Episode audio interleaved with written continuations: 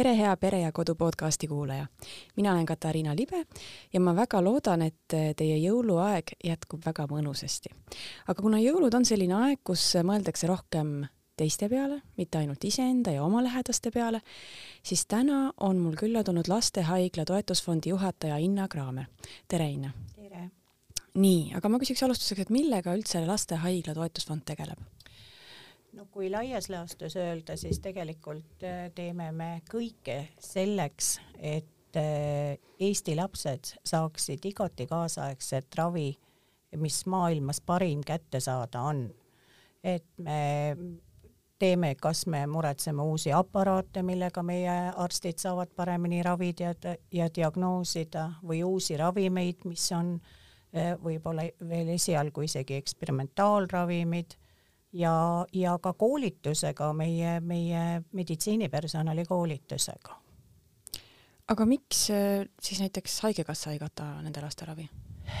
no ikka põhiliselt katab Haigekassa, aga kui me räägime sellest just neist eksperimentaalravimitest näiteks, siis Haigekassa äh, tavaliselt äh, tahab natukene teada rohkemat, kui tõhusad need ravimid on, et me oleme aidanud meie lastel saada ravi, ütleme aasta-poolteist ja siis on see küll tavaliselt ikka läinud Haigekassale üle, sest need ravimid on väga tihti eluaegsed ravimid ja noh, eluaegselt võtta ravimit, mille aasta maksumus on näiteks kakssada viiskümmend tuhat, et see käib ka ütleme ühele fondile üle jõu mm. -hmm. millised on jõulud äh, lastehaiglas, kuidas praegu seal olukord on? kui võtta paari sõnaga kokku, siis on nii ja naa. loomulikult haiglas olla jõuluajal ei ole rõõmus. iga laps tahab koju, aga samas eh, on ka päevi, kus meil on hästi palju jõuluvanasid, hästi palju külalisi. üks jõuluvana tuleb eh, esiuksest sisse, teine läheb tagant välja. nii et, et eh, selles suhtes on jälle lastel palju rõõmu, et, et tuleb toredaid kingitusi neid peetakse meeles, aga, aga muidugi koju tahab igaüks kui paljudel lastel saavad vanemad äh, olla seal juures? Äh, tegelikult saavad pea kõigil olla vanemad juures, kui on võimalust, mitte niivõrd selles suhtes, et me haiglas ei tahaks neid juurde lasta, aga äh, asi on ju selles, et oleneb, kui, kui täis on palatid aga väikeste lastega, kuni nelja-viieaastaste lastega kindlasti saab olla iga vanem et ei ole probleemi isegi vanematega. ma tean oma tuttavaid, kes on olnud ka kolmeteist ja neljateistaastase lapsega. nii et kui võimalust on, siis me ikka lubame vanemaid alati juurde. nii et nii nukker see jõuluaeg siis ei ole, et ikkagi üks vanem ja, saab juures olla? ikka, ikka mm. -hmm. ja väiksed siis jõulupeod ja jõuluvanad ja jah, eh, noh, ütleme praegu on natukene see Covidi aeg meid eh, kimbutanud ja me ei ole saanud lastele pakkuda võib-olla meelelahutust nii palju haiglas, et muidu meil on ju käinud toredad eh, näitlejad külas, lauljad, aga, aga praegu muidugi me niisugust kogunemist mängutubadesse eriti teha ei saa mm. -hmm kes vajab praegu abi Lastehaigla toetusfondilt, kes need lapsed praegu on? no hetkel on meie kõige suurem projekt praegu just süstilise fibroosiga laste heaks. on äh, tulnud äh, nii-öelda turule äh, uus ravim, Kaftrio on tema nimi, mida siis saavad teatud geenikombinatsiooniga ja, ja vähemalt kaheteistaastased lapsed esmakordselt kasutada ja meie esimene laps, kes seda ravi nüüd saab, on juba kaks kuud saanud, on viieteistaastane Nikita ja nii nagu tema raviarst ütleb, siis äh, on see päris tõhus olnud, see ravim ja tundub, et, et sobib Nikitale hästi.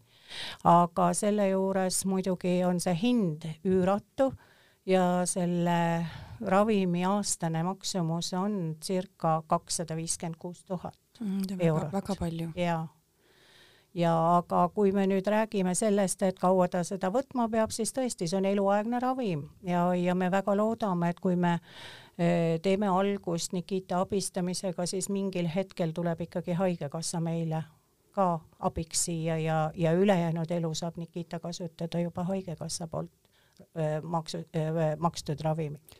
kui palju sellise haigusega lapsi Eestis on? meie majas on kakskümmend seitse, üleüldse Eestis kuuskümmend. Mhm. kas on veel keegi, kelle jaoks te praegu raha korjate? me oleme korjanud raha ka ühe aparaadi jaoks, mobiilse radioloogia aparaadi jaoks, mida me vajame enneaegsete vastsündinute heaks, sellepärast et selle aparaadiga saab sõita kohe nende juurde palatisse ja, ja ta annab väga täpse info selle kohta, kuidas kõik tema küljes olevad aparaadid tegutsevad. nii et, et anestesioloogidel teeb see ülevaate oluliselt kergemaks. samas meil on ootejärjekorras unekeskuse rajamine, mille heaks annetuste kogumisega me tegime algust juba kahe tuhande üheksateistkümnendal aastal, kuid mis on natukene toppama jäänud tänu sellele, et lastehaiglas vahepeal renoveeriti traumapunkti ja traumapunkt kolis vot just nendesse ruumidesse, kuhu pidi tulema unekeskus. aga no unekeskuse me kindlasti loome ja, ja see on siis kavas järgmise aasta alguses. ja siis on meil veel üks suurem projekt, mida me oleme tegelikult aastaid vedanud ja see on ülekaaluliste laste projekt et me pakume nendele kahekümnele lapsele eh, nimelt kaks korda nädalas trenni meie majas, meie füsioterapeutide juhendamisel ja samas siis on meil arst-ekspert, kes neid põhjalikult uurib, vaatab, milles probleem. ja suvel on siis olnud ka juba kümme aastat meil tore terviselaager, kümnepäevane kus siis eh, lapsed hästi palju liiguvad ja, ja nende toit on siis ka õige just nimelt ja nad ei saa endale ka osta sellel ajal mitte midagi eh, sellist, mida süüa ei tohiks. ja eh, siis on olnud nii, et me ütleme ikka, et üks laps kaob meil selle suvelaagriga ära, et tavaliselt nad siis selle kahekümne lapse peale võtavad maha kuskil seitsekümmend, kaheksakümmend kilo mm. -hmm nii et, et see, see on meil niisugune südamelähedane projekt olnud nüüd juba aastaid. ma nüüd läheks korra tagasi, mis see unekeskus on? unekeskus on esimene laste unekeskus Eestis. et meil lastele unekeskust ei ole, et eh, mis see unekeskus endast kujutab, no kujutab äh, niisugusi äh, ruume. ma veel lisan siia juurde, et selle unekeskuse Eh, nii-öelda arhitektuurilise poole pealt tulid meile muide appi eh, Eesti Kunstiakadeemia tudengid, kes tegid toreda konkursi oma kursuseprojekti raames. Ja sealt siis meie saime valida ühe töö, mis meile kõige rohkem meeldis, siis fond ja lastehaigla spetsialistid. Ja nüüd selle järgi siis me hakkame ka seda unekeskust looma et seal siis uuritakse lapsi, kellel on probleem unega, olgu see siis alates väikelapsest kuni, kuni siis kaheksateist aastani. et miks laps ei maga, millised on need põhjused ja nii edasi, selleks tuleb siis laps ka koos vanemaga saab tulla, väiksemad lapsed eh, tulevad siis meie majja vähemalt üheks ööks ja siis öö jooksul uuritakse siis tema uni nii põhjalikult, kui seda teha annab. ja sellist asja enne Eestis ei, ei ole olnud? Eestis jah? ei ole laste unekeskust küll seni jah mm. -hmm ma kujutan ette, et mõningaid vanemaid see võib väga puudutada ja nad võivad väga oodata seda. mina usun küll, et ma võin öelda iseenda kogemusest, et ma tean, mis tähendab kaks aastat mitte magada. et, et kui mul oleks olnud see võimalus omal ajal, siis ma oleks seda kindlasti kasutanud mm. -hmm. aga tahtsin selle enneaegselt sündinud laste aparatuuri kohta küsida ka, et kui palju aastas laps, selliseid lapsi sünnib, kes seda vajavad? Ehm, no eh, neid lapsi, kõik, kes sünnivad enneaegsena, ei tule nüüd otseselt meie majja, aga, aga seda aparatuuri on vaja eelkõige kolmanda astme intensiivis, sellepärast et sealt neid lapsi liigutada me ei, me ei saa, nad on eh, kuvöösis äh, nad on väga põhjalike aparaatide kontrolli all ja, ja sellepärast äh, on seda sellist mobiilset just radioloogiaaparaati väga vaja ja ta on muidugi täisdigitaalne ka, see tähendab, et info on hästi kättesaadav mm. -hmm. aga räägi nüüd mõnest eduloost ka, et kes on saanud abi toetusfondilt?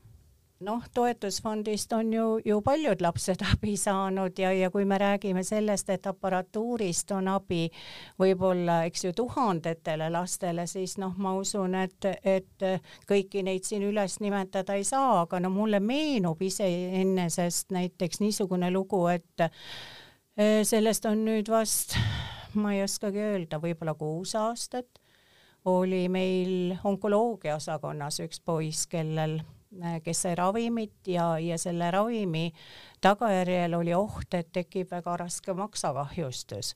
Ja selle maksakahjustuse likvide- eh,, ennetamiseks oli tal vaja neljakümne kaheksa tunni jooksul võtta ühte ravimit, mis maksis noh, minu mälu järgi kuskil kakskümmend tuhat eurot.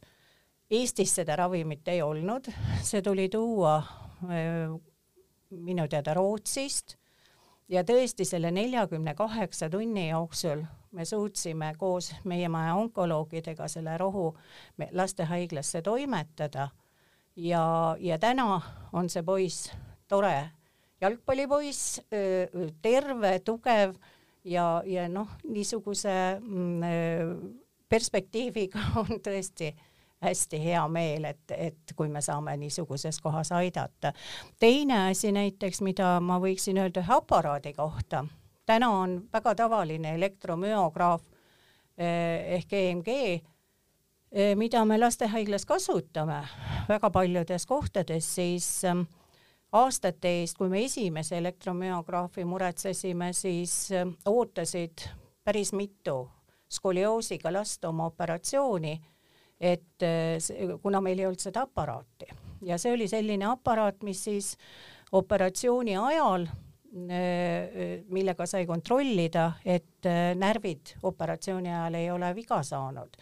et see operatsioon, skolioosi operatsioon on noh, hästi pikk operatsioon, kaheksa kuni kümme tundi ja selleks, et kontrollida, et kõik on korras, pidid siis kirurgid vahepeal lapse üles äratama ja paluma tal liigutada oma jalgu, aga kui tegemist oli väikelapsega, siis oli see praktiliselt võimatu.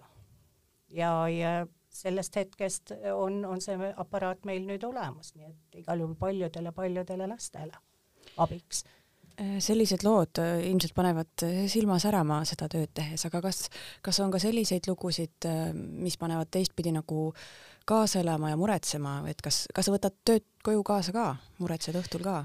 Noh, äh, muidugi on selliseid ka, aga mm, neid on palju just onkoloogiliste haigustega laste puhul. aga mm, mis viimasel ajal on, on no vähemalt ma arvan, et nad on saanud laiemat kõlapinda, ju nad on ka varem olnud, on geenihaigused et äh, väga tihti vanemad ju ei teagi, et neil on mingi geeniviga, et neil on mingi äh, haigus, mis ei ole siiani välja löönud ja siis saavad kaks inimest kokku, kellel mõlemil on see haigus enese teadmata ja siis see kandub üle lapsele. nii et, et noh, niisugused äh, teadmata asjad on, on hästi ootamatud, et ma tean ühte peret, keda me oleme proovinud ka aidata, kus on kaks geenihaigusega last ja, ja kahjuks ei ole neile see ravim, mis on siis uudne, ei ole neile sobinud ja ei ole ka midagi teist. et, et kui, kui mitte millegiga aidata ei saa, siis on küll kole kahju mm. -hmm. mis on kõige suurem mure, millega toetusfond peab rinda pistma? No ma arvan, et võib-olla need äh, eksperimentaalravimid, et nad läheksid ikkagi Haigekassa hinnakirja. aga me oleme seda Haigekassa hinnakirja saanud ikkagi aastate jooksul päris palju mõjutada. et, et kui ma ütlen, et äh, et näiteks praegu me ootame, et Nikita ravimit ehk hakkab Haigekassa kandma, siis äh, möödunud aastal või õieti selle aasta algusest on Haigekassa tulnud appi ka ühe geenihaigusega kimbus olevale õele ja vennale, keda meie toetasime fondist poolteist aastat ja, ja circa kuuesaja tuhande euroga et nüüd saavad nad näiteks Haigekassa hinnakirja järgi seda ravi ja nende ravi on täpselt samamoodi eluaegne. et ehk see on, on nagu, nagu hästi suur probleem. kui suured annetajad eestlased on üldse? Ehm, no kui me, fond loodi üheksakümne kolmandal aastal ja ütleme, esimese kümne, viieteist, võib-olla ka kahekümne aasta jooksul olid meie põhiannetajad ikkagi eh, välisannetajad, hästi palju väliseestlasi, siis eh, täna on kindlasti ülekaalus meie kodueestlased, kes toetavad.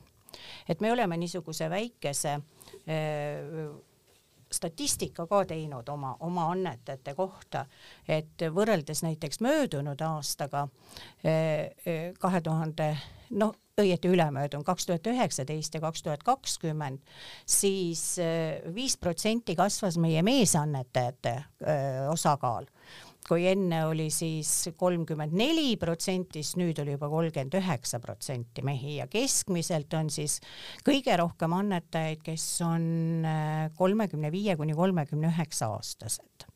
Ja siis põhiliselt nii nagu ma ütlesin, siiski suures osakaalus naised.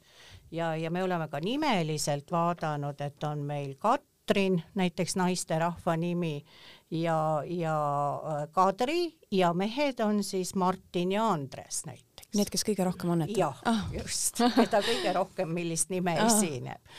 nii et, et mina ütleks küll, et, et eestlased on äh, väga lahke südamega ja, ja kui täna ma kusagilt äh, portaalist lugesin, et oli küsitud küsimust, et kas sa oled tänavu head teinud ja siis ütles viiskümmend neli protsenti inimestest, et jah, olen ja ülejäänud ütlesid ei.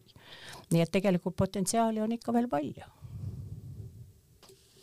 ja need, kes meid praegu kuulavad, kes ei ole veel sel aastal annetanud, siis nüüd on nende võimalus. just kuidas pandeemia on mõjunud toetusfondi tööle? Ehm, ma arvan, et ehm, pandeemia meid eh, negatiivselt mõjutanud ei ole. et pigem ma ütleks, et ehm, kui on raske olukord, siis raskes olukorras lükatakse ikka õlg õla kõrvale ja, ja püütakse üksteist aidata ja nii on seda näidanud ka, ka meie annetuste hulk, et eh, võrreldes kaks tuhat üheksateist kasvas kahe tuhande kahekümnendal aastal annetuste hulk umbes saja tuhandega ja ma arvan, et ka tänavu aasta sama, sama edasiminek, nii et tegelikult eh, on annetajad hästi head toetajad meile olnud kas on rohkem püsiannetajaid või rohkem ikkagi koguneb raha selliste juhuslike annetustena? E, viimaste aastate jooksul on püsiannetuste arv hästi palju kasvanud ja see on tegelikult väga hea, sest see annab meile ka niisuguse kindlustunde, et me teame, et kui me midagi ette võtame, et me, me tõesti saame aidata lapsi, olgu see siis kas ravimi muretsemisel või, või mingi aparaadi muretsemisel või niisuguse keskuse loomisel, nagu me räägime unekeskusest, siis äh, püsiannetus on kindlasti see, mis tagab tulevikku. aga aga on ka palju ühekordseid annetusi. Kas on mingid ajad, perioodid, kui annetatakse rohkem, ma vihjan jõuludele siin. No see on õige vihje muidugi, sellepärast et noh, meie töö on alati hästi pingeline just nimelt novembris-detsembris, natuke veel ka jaanuaris, siis kui on vene jõulud veel, et siis on ikkagi neid toetajaid meil oluliselt rohkem, aga kui, kuna ma räägin, et suhteliselt on kasvanud ka püsiannetuste arv, siis see tähendab seda, et see annetamine ikkagi toimub aasta vältel mm. -hmm. No kui nüüd keegi meid kuulas, kes ei ole veel sel aastal oma seda heategu teinud, eh, kuidas siis ta saab aidata? Ja ma tahtsin küsida ka seda, et kas on võimalik kuidagi ka mitterahaliselt aidata, kas te vahel vajate ka vabatahtlike tööd mingil määral? me kindlasti vajame vahel vabatahtlike tööd, ainult et praeguses olukorras, nagu ma ütlesin enne, eks ju, et me väga niimoodi kokku tulla ei saa, kuigi meil oli näiteks tore jõululaat lastehaiglas just alles mm, kuu alguses. Et ähm, kus meie enda töötajad siis tõid jõulukraami, mida siis samas oma töötajad said ka osta. ja, ja siis toet-, kogunenud annetus läks siis meil jälle süstilise fibroosiga laste toetuseks. ja me, kui me teeme üritusi, siis muidugi meil on vaja vabatahtlike abi, aga, aga hetkel me neid üritusi väga palju teha ei saa. nii et me anname sellest kindlasti teada, kui, kui me sooviksime, et keegi meile tuleks oma aega annetama. aga annetuse saab teha siis läbi meie kodulehe, on kõige kergem, seal on olemas ette täidetud kõik annetus öö, ava nii-öelda ankeet ja, ja sinna ainult märkida siis sisse, millise summaga sa soovid annetada ja kas sa soovid teha püsiannetuse või ühekordse annetuse. et niisugused võimalused on sealt võimalik valida. Kas keegi on ka teie jaoks ise kogunud annetusi näiteks mingi koolitööna ja neid on äh, hästi toredaid äh, koole, meil on niisugused sõbrakoolid juba. On Sakala erakool näiteks, kes iga aasta teeb laada ja kontserdi. Ja, ja kogu selle tulu siis on annetanud äh, kas mõne lapse toetuseks, mõne lapse ravitoetuseks ja, ja siis eh, selliseid koole on muide järjest rohkem ja, ja mis veel eriti tore on, et on juba ka lasteaedu, et, et tehakse toredaid kaarte, mida siis müüakse ja, ja kogutakse niimoodi siis toetust eh, lastele mm. -hmm. nii et siit mõtteainet lapsevanematele ka? kindlasti. Ja ütle siis veel korra üle, et mille jaoks te praegu siis raha kogute? no praegu põhiline, mille jaoks me raha kogume, on äh, Nikita toetuseks, süstilise fibroosiga laste toetuseks, aga need võimalused ehk soovide nimekiri on ka meie kodulehel muide, nii et kui teie tahate keegi öö, äh, toetada mingit muud head eesmärki, siis te saate selle alati ka oma ülekandele märkida ja me kindlasti võtame seda arvesse. Hmm hästi, aitäh sulle, Inna, siia tulemast ja oma teadmisi jagamast ja ma soovin sinule ja, ja Lastehaiglale ja Toetusfondile jätkuvat ilusat jõuluaega. suur tänu ja, ja me omalt poolt ka Toetusfondis soovime kõigile kaunist jõuluaega ja kõike head ja edukat uut aastat aitäh, armas kuulaja, et meid ära kuulasid ja loodan, et ka sinul jätkub jõuluaeg mõnusalt ja perekeskselt